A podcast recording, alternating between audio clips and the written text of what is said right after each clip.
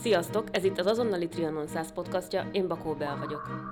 Harmadik részével folytatódik a Trianoni Békeszerződés századik évfordulója alkalmából indított podcastunk, amelyben az MTA Trianon 100 kutatócsoportjának tagjaival beszélgetünk a békeszerződés hátteréről.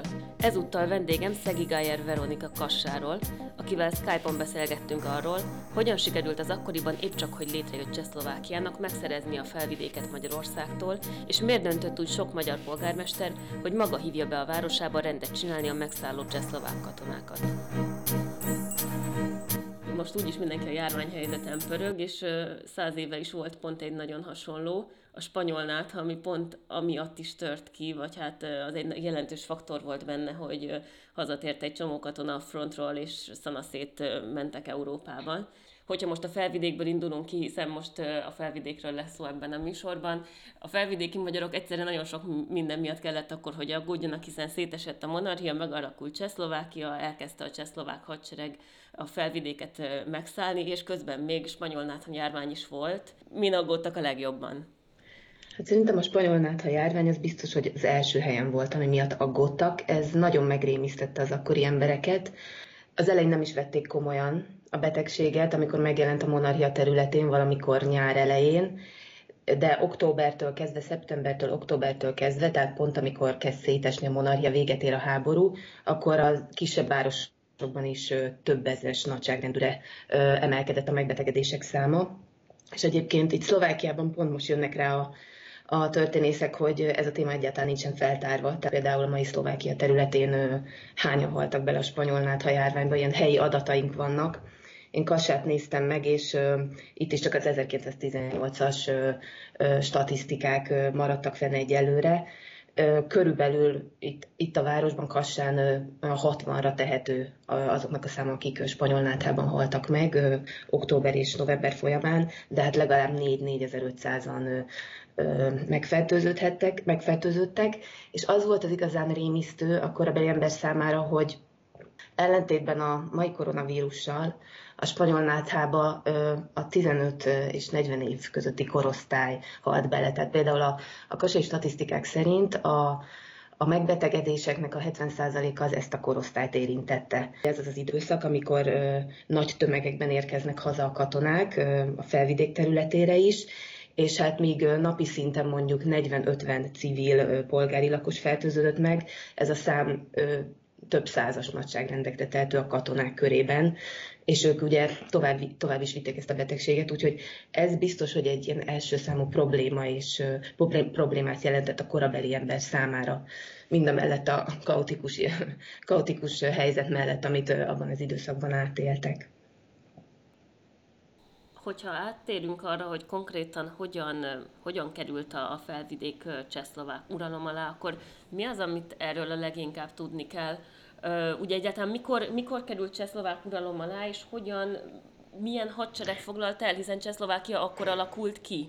Éppen akkor létrejött államformáció volt, és mégis sikeresen tudta az érdekeit érvényesíteni Magyarországgal szemben diplomáciában is, de még, még akár hadiszinten is. Ez hogy volt lehetséges? Igen, ez a csehszlovák államnak a létrejött, ez egy abszolút sikertörténet, tehát amikor 1914-ben, tehát már zajlik a háború, Tomás Gerik Masaryk emigrál Nyugat-Európába, és rá egy fél évre megírja az Independent Bohemia című röplapját, vagy memorandumát, amiben ezt a későbbi csehszlovák államnak a körülbelüli képét felvázolja, és ezt eljutatja egyébként a, a brit, brit külügyminisztériumnak, akkor még igazából ezt mondhatnánk úgy is, hogy a korabeli ember ezt egy viccnek gondolta, de eltelik igazából három-négy év, év, és az állam ott van Európa térképén, elismerik a nagyhatalmak, és ha bár a csehszlovák nemzet úgy önmagában nem létezik, de létrejön egy politikai elitje is, és vannak határai, és,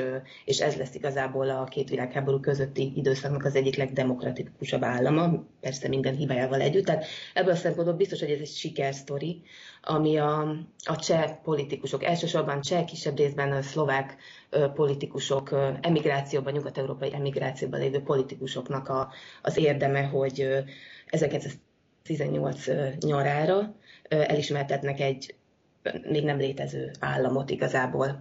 Ehhez hozzá kell tenni, hogy nyilván nagyon sokat nyomott alatban, hogy már a háború elejétől kezdve nagyon sok cseh katona dezertál, és csatlakozik a, elsősorban az olaszországi és részben az oroszországi légiókhoz. Tehát létrejön egy több tízes, tízezeres főből álló csehszlovák légió. Akkor ezért olasz tisztek vezették? Mert azt olvastam, hogy olasz tisztek vezették a felvidék ö, megszállását, úgymond, hogy ezt, ö, és fura is volt, hogy, hogy jöttek ők oda. Ö, igen, tehát hogy a, a mai Szlovákia területének a ö, katonai elfoglalására ö, térjünk rá. Valóban így volt. Ö, ugye Olaszország viszonylag közel volt, onnan, onnan helyeztek át csehszlovák légiósokat, legionáriusokat, és ezeknek a légióknak az élén olasz tisztek álltak. Tehát amikor a Szlovákia területé vagy felvidék területére belépnek ezek a cseh és szlovák hadtestek, akkor az élén olasz, olasz tisztek vannak. A cseh-szlovák hadsereg még hivatalosan nem létezik,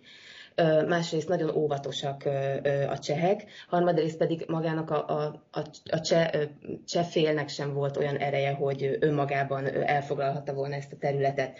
Tehát ez az egyik. Másrészt nyugat felé nyilván ezek az olasz tisztek demonstrálják azt is, hogy ami nagyon fontos a, cseheknek és a szlovákoknak, demonstrálják azt is, hogy, hogy ezt a terület elfoglalását, ezt, ezzel egyet értenek a nyugati hatalmak, ez nagyon fontos. És egyébként aztán ezek, ebből nagyon sok konfliktus van az olasz tisztek jelenlétéből, mert nagyon hamar kiderül, hogy ezek az olasz, olasz katonák, Luigi Piccione egyébként az egyik kult szereplő, aki megérkezik 1919. januárjában Pozsonyba is, ők szimpatizálnak a helyi magyar lakossággal, és látják, hogy itt azért nem teljesen arról van szó, hogy egy olyan területet foglal el, olyan területet foglalnak el a cselégiók, amelyek, amelyeket pártkarokkal fogad a helyi lakosság. Tehát az olasz tisztek nagyon hamar rájönnek ezekre a, ezekre az ellentétekre, és aztán ez részben, és a szlovák, a szlovák politikusok is sem elégedettek emiatt az ő tevékenységükkel, és ez lesz aztán az oka annak, hogy ezeket az olasz tiszteket később áprilisában, néhány hónappal később francia tisztekre váltják, cserélik le egy tényleg egy diplomáciai bravúrnak tűnik, hogy egy még szinte létre sem jött állam ilyen dolgokat ki tudott lobbizni. Igen, ez egy viszonylag rövid történet, de annál, annál bonyolultabb volt, hiszen a háború elején még a, a csehországi, tehát a prágai, a prágai politikai elit sem ö, ö, értett egyet egyértelműen az emigrációnak a tevékenységével. Tehát ez egy nagyon fokozatosan össze, összeálló kép volt, vagy politikai terv, amelyhez aztán fokozatosan szerezte meg Mászárik és, és Edvard Benes is a, a helyi csehországi politikusoknak, értelmiségéknek a támogatását, tehát ez azért egy elég göröngyös út volt, nem volt olyan egyértelmű, de Nyilván itt az 1918-ban ismerik csak el a Csehszlovák Nemzeti Tanácsot, ami egyébként Párizsban jön létre. 1916-ban a nemzetközi hatalmak 18 közepén ismerik el, tehát a háború vége felé, amikor már lehet látni, hogy a németek nagy valószínűséggel el fogják veszteni a háborút. Nyilván ez azt is hozzá kell tenni, hogy, hogy már a monarchián belül a nemzetiségek már a, a háború elején hosszú távú tervként valamiféle föderalizálásban gondolkodnak, tehát minden nemzetiség nem, akarnak, nem akarják megtartani azt a státuszkot, ami a háború előtt volt. Nyilván ezek, ezek a törekvések is nagyon sokat nyomnak alatban, és hát elsősorban az, hogy lényegében 1918 nyarára a nagyon szűk, de a csehszlovák gondolat mellett kiálló szlovák értelmiségi elit is kinyilvánítja azt az akaratát, hogy, hogy részt akar venni ebben a, ebben a csehszlovák projektben. És ezt aztán végül is ezt aztán végül is 1918. október 30-án vetik papírra, ugye ez az ismert Túrócent Mártoni nyilatkozat, amelyet, amelyet a szlovák politikai elit aláír, és amely egy abszolút reprezentatív jellegű kinyilatkoztatása volt annak, hogy a, a szlovák nemzet létezik, az önrendelkezés alapján áll, és, és a kvázi csehszlovák nemzetnek a, a magyarországi ágaként szeretne bekapcsolódni ennek az új államnak a, a megteremtésében. Persze ez sokkal bonyolultabb volt annál, mint ahogy ezt most így elmondom, mert nagyon sok szlovák politikus értelmiségének a fejében azért ott volt az a gondolat, hogy, hogy a szlovák nemzet az akár egy önálló államként is létezhetne, de ennek nem volt realitása, és ezt tudták a szlovákok is. Tehát ezért, ezért csatlakoznak végül is a cseh politikusoknak a, a programjához. Ők akkor úgy gondolták, hogy még hogyha ott másodhegedűsök is lesznek, az még mindig jobb, mint Magyarországon vagy a monarchiában egy kisebbségnek lenni, hiszen úgy tűnik nekem, hogy a szlovákok szempontjából tulajdonképpen olyan választási lehetőség volt, hogy saját maguk urai nem lehetnek, valahová be kell csatlakozni, és hogy ez még mindig jobb a csehekhez. Tehát, hogy ez egy ilyen, ha nincs ló, jó a szamár is. Igen, lényegében így is fogalmazhatunk, de tény, hogy maga a szlovák autonómia, a szlovák nemzeti önállóságának a gondolata az már több mint fél évszázada jelen volt a, a szlovák értelmisége és politikus, politikai rétegnek a gondolkodásában. Vissza lehet menni 1848-ig, vagy 1861-ben a, a volt egy ilyen szlovák tartományi elképzelés, amely valamiféle autonómiát képzelt el a, a, a, a szlovákok által többségben lakott megyék számára. Tehát ez a gondolat, ez jelen volt már nagyon hosszú ideje.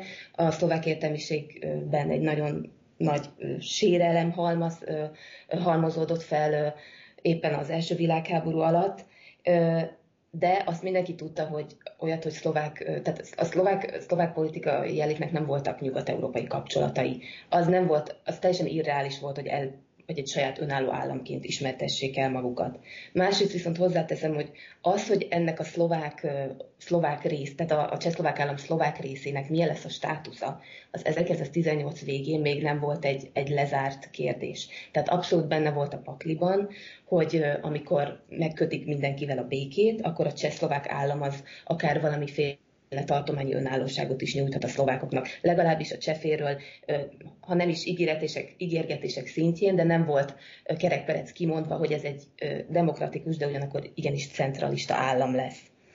És nyilván azt is hozzá kell tenni, hogy azért ez az autonómia gondolat, ez a kvázi elégedetlenség azzal, amit a szlovákok kaptak a csehszlovák államtól, ez végig jelen van 1938-39-ig, amikor aztán egy nyilván teljesen más kontextusban ez az autonómia valahogy létrejön.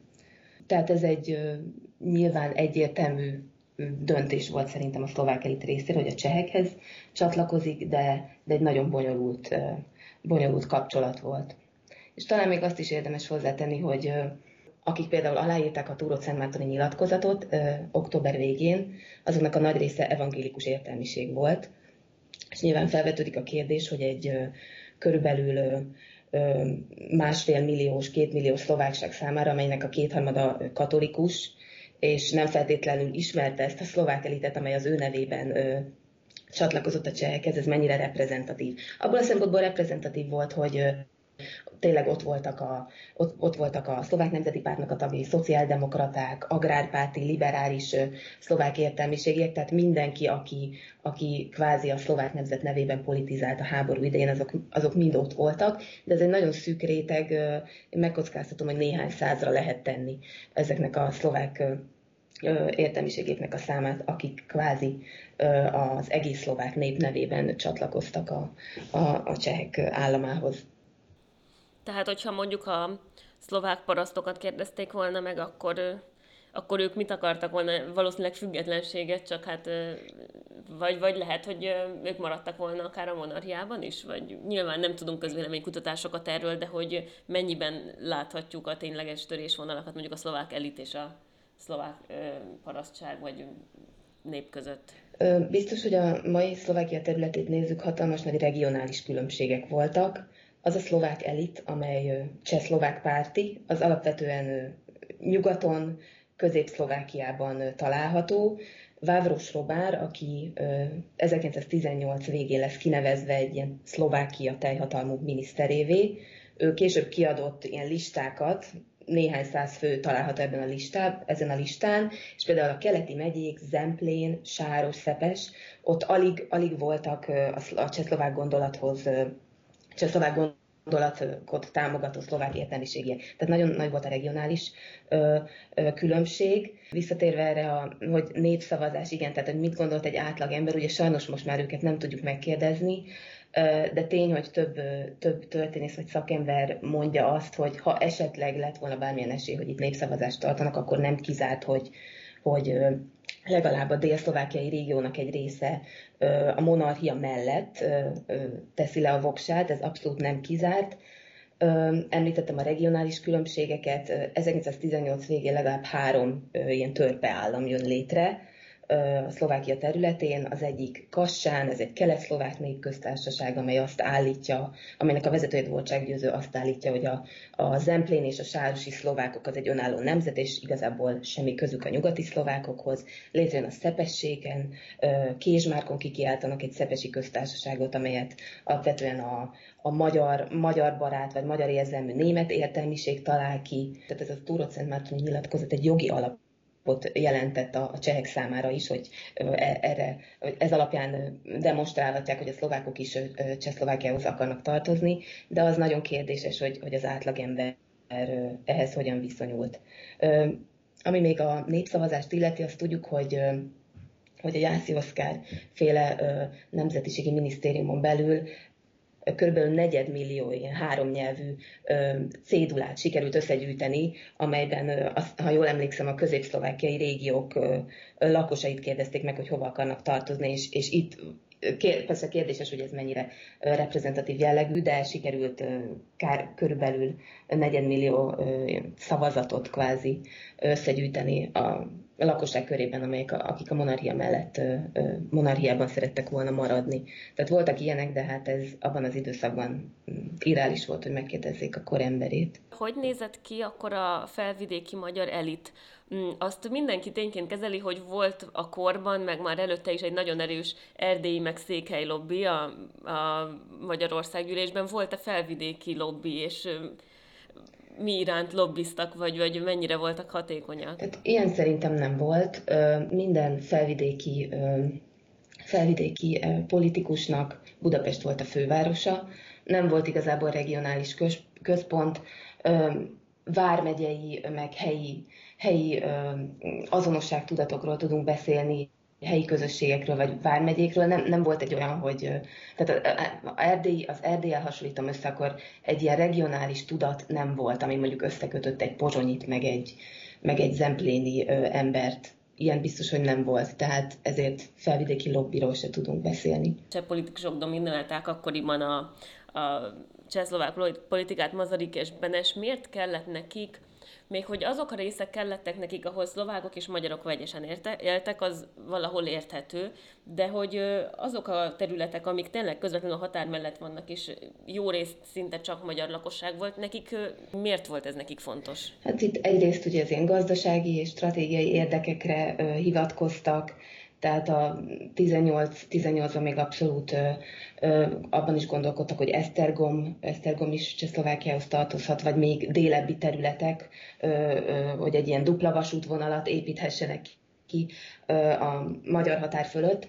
Ez az egyik. A másik az, hogy igazából a, a Szlovákia megszerzése, vagy a szlovák területek megszerzése a csehek számára azért volt kulcskérdés, mert Csehország, történelmi Csehország területén egy nagy, nagy német közösség élt, a szudéta német közösség, és valamilyen szinten ezt ellensúlyozni kellett, ezt a német, német jelenlétet. Így is az 1921-es népszámlálás szerint Csehszlovákiának csak, csak idézőjelben 64%-a volt cseh-szlovák nemzetiségű, tehát cseh és szlovák nemzetiségű, és nyilván szüksége volt a cseheknek erre a erre a ö, majdnem két millió szlovákra a, a keleti ország részen, hogy ezt a német, német jelenlétet e, ellensúlyozza. A felvidéki városokban is nagyon sok helyen szlovákok, magyarok és németek együtt éltek, tehát hogy ott is azért nyilván nem volt olyan jelentős német lakosság, de igen, de ilyenkor mindig hivatkoztak arra, hogy az 1910-es magyar népszámlálás az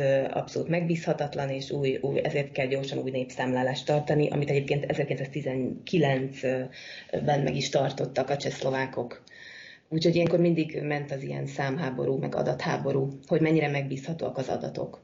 És azért ezt végül is, ha megnézzük a, a városokat, akár egy szepességi várost, vagy akár Kassát és Pozsonyt, akkor azt látjuk, hogy volt a lakosságnak egy része, akár egyharmada, amely kvázi identitást váltott, vagy, vagy egy, egy, még a Magyarország idején magyarnak vallotta magát, aztán utána csehszlováknak. Hogyan váltottak identitást az emberek? Tehát lehetséges, hogy Gondolták, hogy ha más kérdezi, hogy milyen nemzetiségi vagyok, akkor neki mást mondok, mert hát ha szankcióér, vagy, vagy tényleg többes identitások voltak, és és rugalmas volt ez, vagy mi lehetett az oka? Én biztos, hogy nem, nem zárnám ki azt, hogy valaki nem tudja 1910-ben vagy 1920-ban meghatározni, hogy ő milyen nemzeti identitással rendelkezik. Szerintem ma is vannak ilyen emberek. Volt biztos, hogy egy ilyen réteg is de az is tény, hogy a csehszlovák népszámlálási biztosnak, egy csehszlovák népszámlálási biztosért kellett bevallania valakinek a nemzetiségét, úgyhogy tehát ez is biztos sokat számított,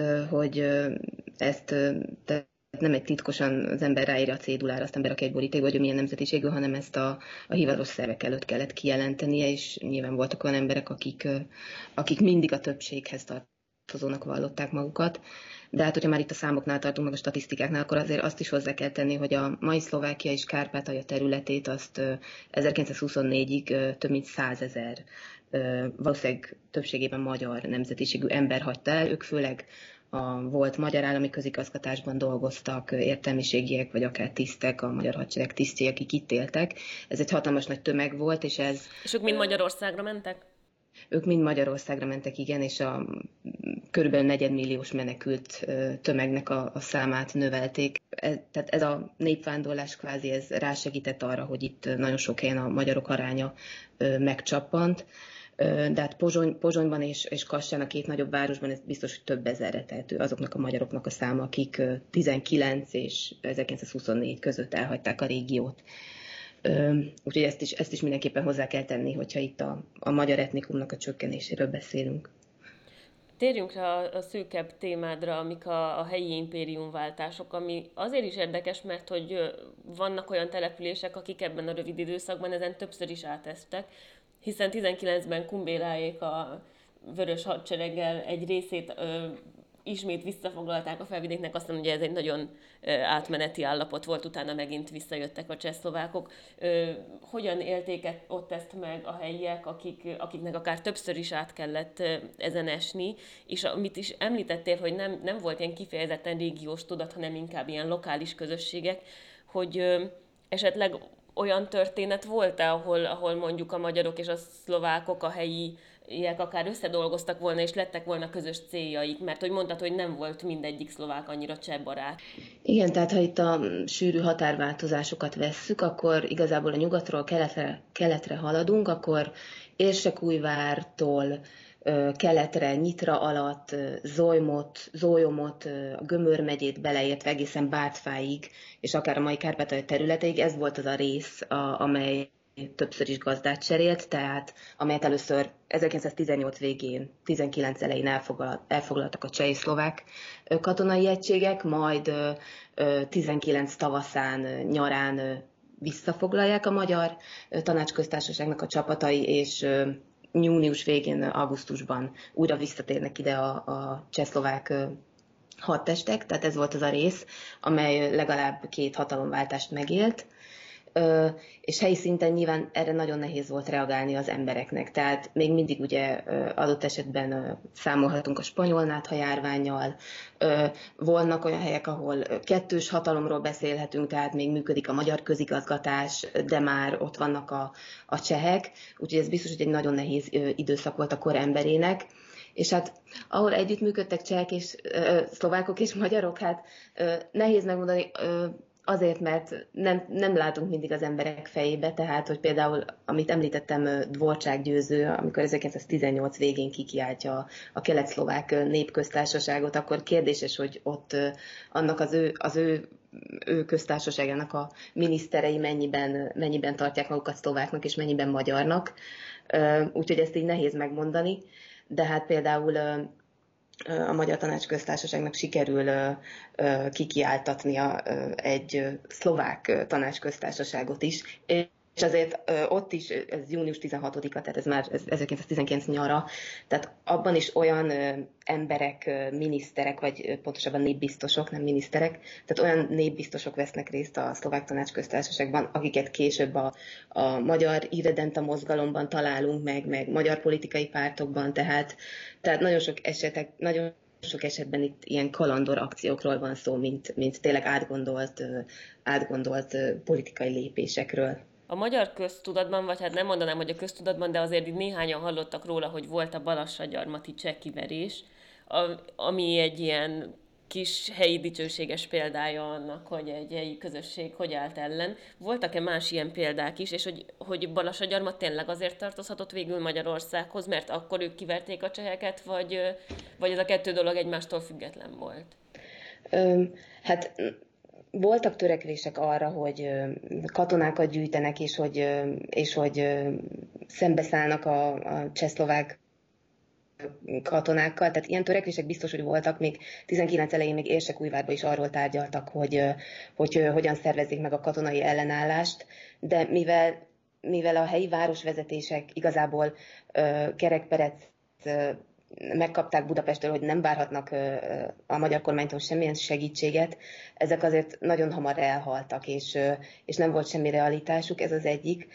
Másik pedig, hogy ahogy fokozatosan érkeztek haza a katonák, főleg itt ezekben a felvidéki városokban nagyon kevés volt a, a, harcra fogható katona. Tehát mindenki örült, hogy hazaért, ügyekből nem hajlandóak jelentkezni katonai szolgálatra, akkor, akkor igazából nem, nem lehet megszervezni az ellenállást, és nincs is értelme már november elején, október végén, november elején komoly gondokat jelent a közbiztonságnak a fenntartása a felvidéki városokban. Tehát Nagy Szombattól kezdve Selmecbányán át Eperjesig hatalmas nagy problémát jelent az, hogy kikiáltják egyrészt a a, kitör az őszi rózsás forradalom, hatalmas nagy népgyűlések zajlanak le minden városban, és például Eperes az ilyen elrettentő példája ennek, ott 31-én, október 31-én, november 1-én hajnalban egy hatalmas nagy fosztogatás kezdődik.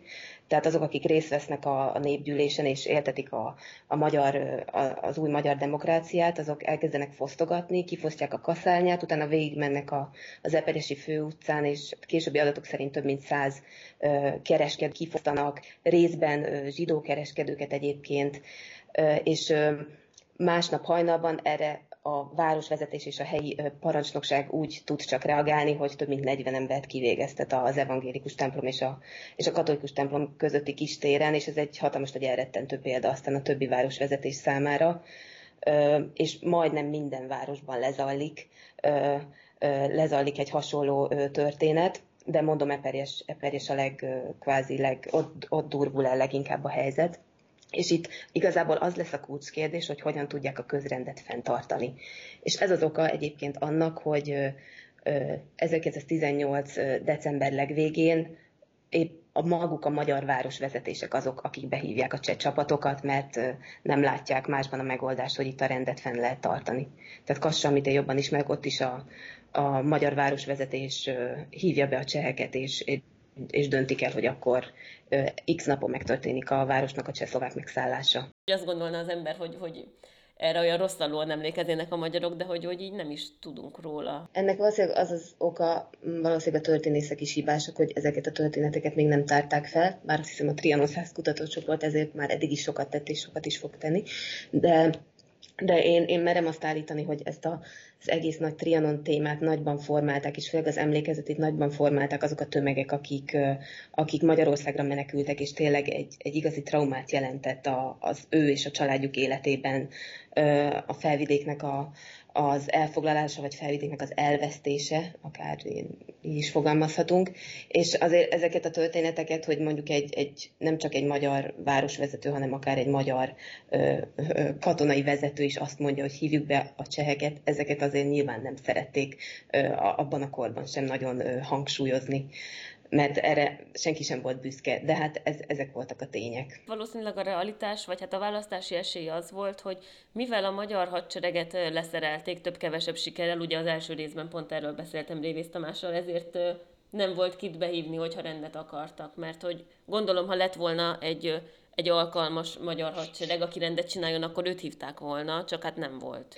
Ö, nem volt, igen, ez az egyik. A másik pedig az, hogy azért ezek az emberek, akik a városok élén álltak, és ö, polgármesterektől kezdve a katonai vezetőkön át az átlagember is úgy gondolta, hogy ez a csehszlovák megszállás, ez átmeneti lesz.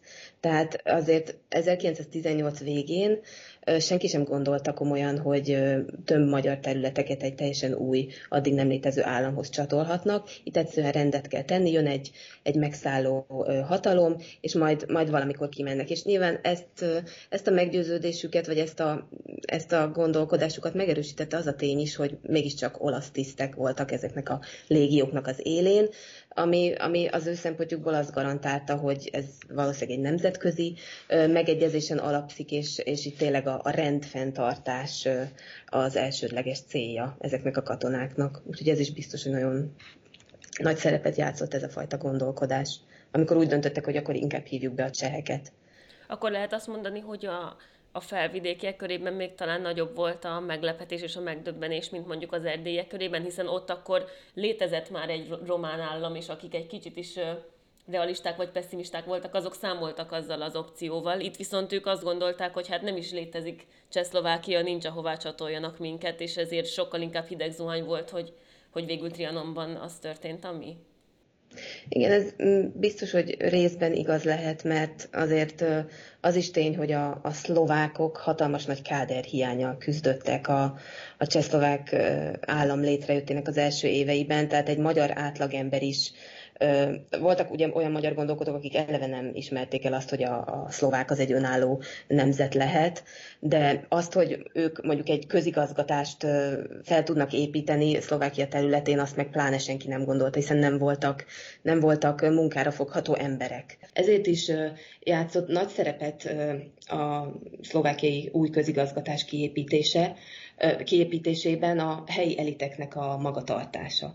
Tehát nagyon sok helyen találunk olyan polgármestert, alpolgármestert, főjegyzőt, akármilyen városi képviselőtestületi tagot, aki valamilyen oknál kifolyólag, nem minden esetben tudjuk, hogy miért, de úgy dönt, hogy leteszi a hűségesküt a csehszlovák állam számára, csehszlovák állam felé, és részt vesz az új, az új államnak a kiépítésében. Itt olyan emberekről van szó, akik azelőtt a magyar közigazgatásba dolgoztak, és mondjuk egy ilyen magyar szemmel jó magyar embereknek voltak tekinthetők, de ők egyik napról a másikra egyik napról a másikra úgy döntenek, hogy, hogy kvázi átállnak a másik oldalra. Több ilyen példát tudok mondani, például a Besztecebányai polgármester, akit úgy hívtak, hogy Csesznák vagy Cesznák Gyula, ő az a tipikus monarchiabeli polgármester volt, aki alatt Besztecebányának a belvárosát lecsatornázták, modernizálták, aztán ő az első világháború alatt elveszti az egyetlen fiát, aki a fronton meghal,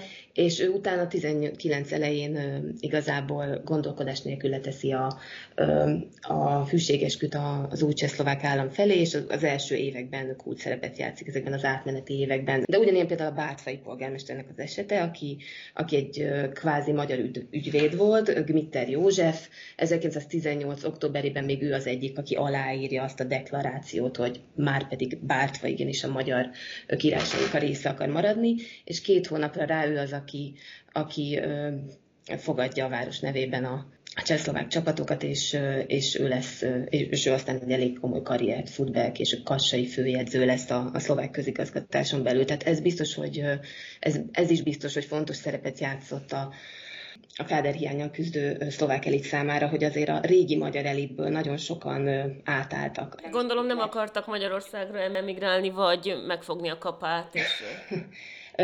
Nagyon nehéz az ő, az ő példáikat megérteni, hogyha nincsenek mondjuk fennmaradt visszaemlékezések, vagy nem magyarázta meg valahol, hogy ő ezt miért csinálja. Nyilván voltak pragmatikus emberek, nyilván voltak köpönyekforgatók, Biztos, hogy voltak olyanok is, akik a magyar közigazgatásban kezdték el a politikai karrierjüket, de ők valahol a szívük legmélyén szlováknak vallották magukat, és, és már elég volt a háborúból, és, és még talán szimpatizáltak is a, az új csehszlovák állammal, és ez nekik nem jelentett valami morális vagy erkölcsi fordulatot, hogy, hogy így döntöttek több ilyen példa van, tehát a Kézsmárki polgármester, a Nyugat-Szlovákiában több ilyen helyen, Bazinban, vagy akár Nagyszombaton is ilyen, tudunk ilyen példákat mondani. a, ehhez persze hozzá kell tenni, hogy Pozsonyban, meg, meg Kassán, a két legnagyobb városban ott, ott nem, nem is volt nagyon lehetősége a polgármesterek funkcióban maradni, tehát ott eleve alapból kinevezett a csehszlovák csehszlovák vezetés egy, egy új polgármester, tehát ott választásuk se volt. Azért a, a, kulcs, a kulcs helyeket, a kulcs pozíciókat, azokat e, megpróbálták saját emberekkel feltölteni. Hogyan emlékeznek mindenre a szlovákok, és hogyan mi, ugye? Talán a románokkal sokkal egyértelműbb a, ez az emlékezett politikai töréspont, mert az, ami nekünk egy nemzeti tragédia, az nekik egy ünnep. Igaz, hogy ők a 18-as Gyulafehérvári gyűléshez kötik, de azért most már kicsit provokáltak azzal is, hogy június 4-ét is ünnepnappá tennék. Ezzel ellentétben a szlovákok számára nem egyértelmű, mert ők, ők akkor ugye egy másik állammal közösen csináltak egy államot, ami azóta már nem létezik, és az ő, mint szlovákok függetlensége csak a rendszerváltás után történt. Nem ugyanahoz az eseményhez köt, kötődik az ő örömünnepük, mint a mi gyászunk. Valahogy azért emlékeznek ők erre? Egyrészt az, az az igazság, hogy a szlovákok számára a múlt az nem olyan fontos, mint a magyarok számára. Tehát a szlovákok, az, egy szlovák átlagember nem foglalkozik annyit a múlttal, mint egy magyar ember. Tehát ezt mindenképpen le kell szögezni. De az is tény, hogy mind, mindannak ellenére, amit te elmondtál, hogy ez egy igazából nem egy önálló szlovák állam volt, és már nem is létezik, tehát nem is lenne mire emlékezni. Ennek ellenére Csehszlovákia megteremtette a szlovák nemzeti létnek az alapfeltételeit, létrejött a saját iskolarendszerük, voltak saját pártjaik a szlovákoknak, stb. stb.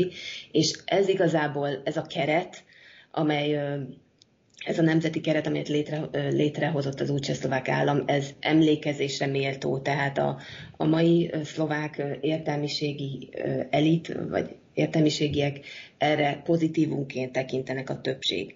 A korban ez nyilván nem feltétlenül volt így, ugye beszéltünk a szlovák autonómia kérdéséről, volt egy szlovák néppárt, amely az autonómia gondolata mellé állt abban a korban, és, és a csehszlovák állam föderalizálása mellett agitált, de a, a jelenkorban, a, a mai pillanatban a szlovák értelmiség ezt egy pozitívumként értékeli a csehszlovák állam létrejöttét, tehát pozitívumként a szlovák fél számára.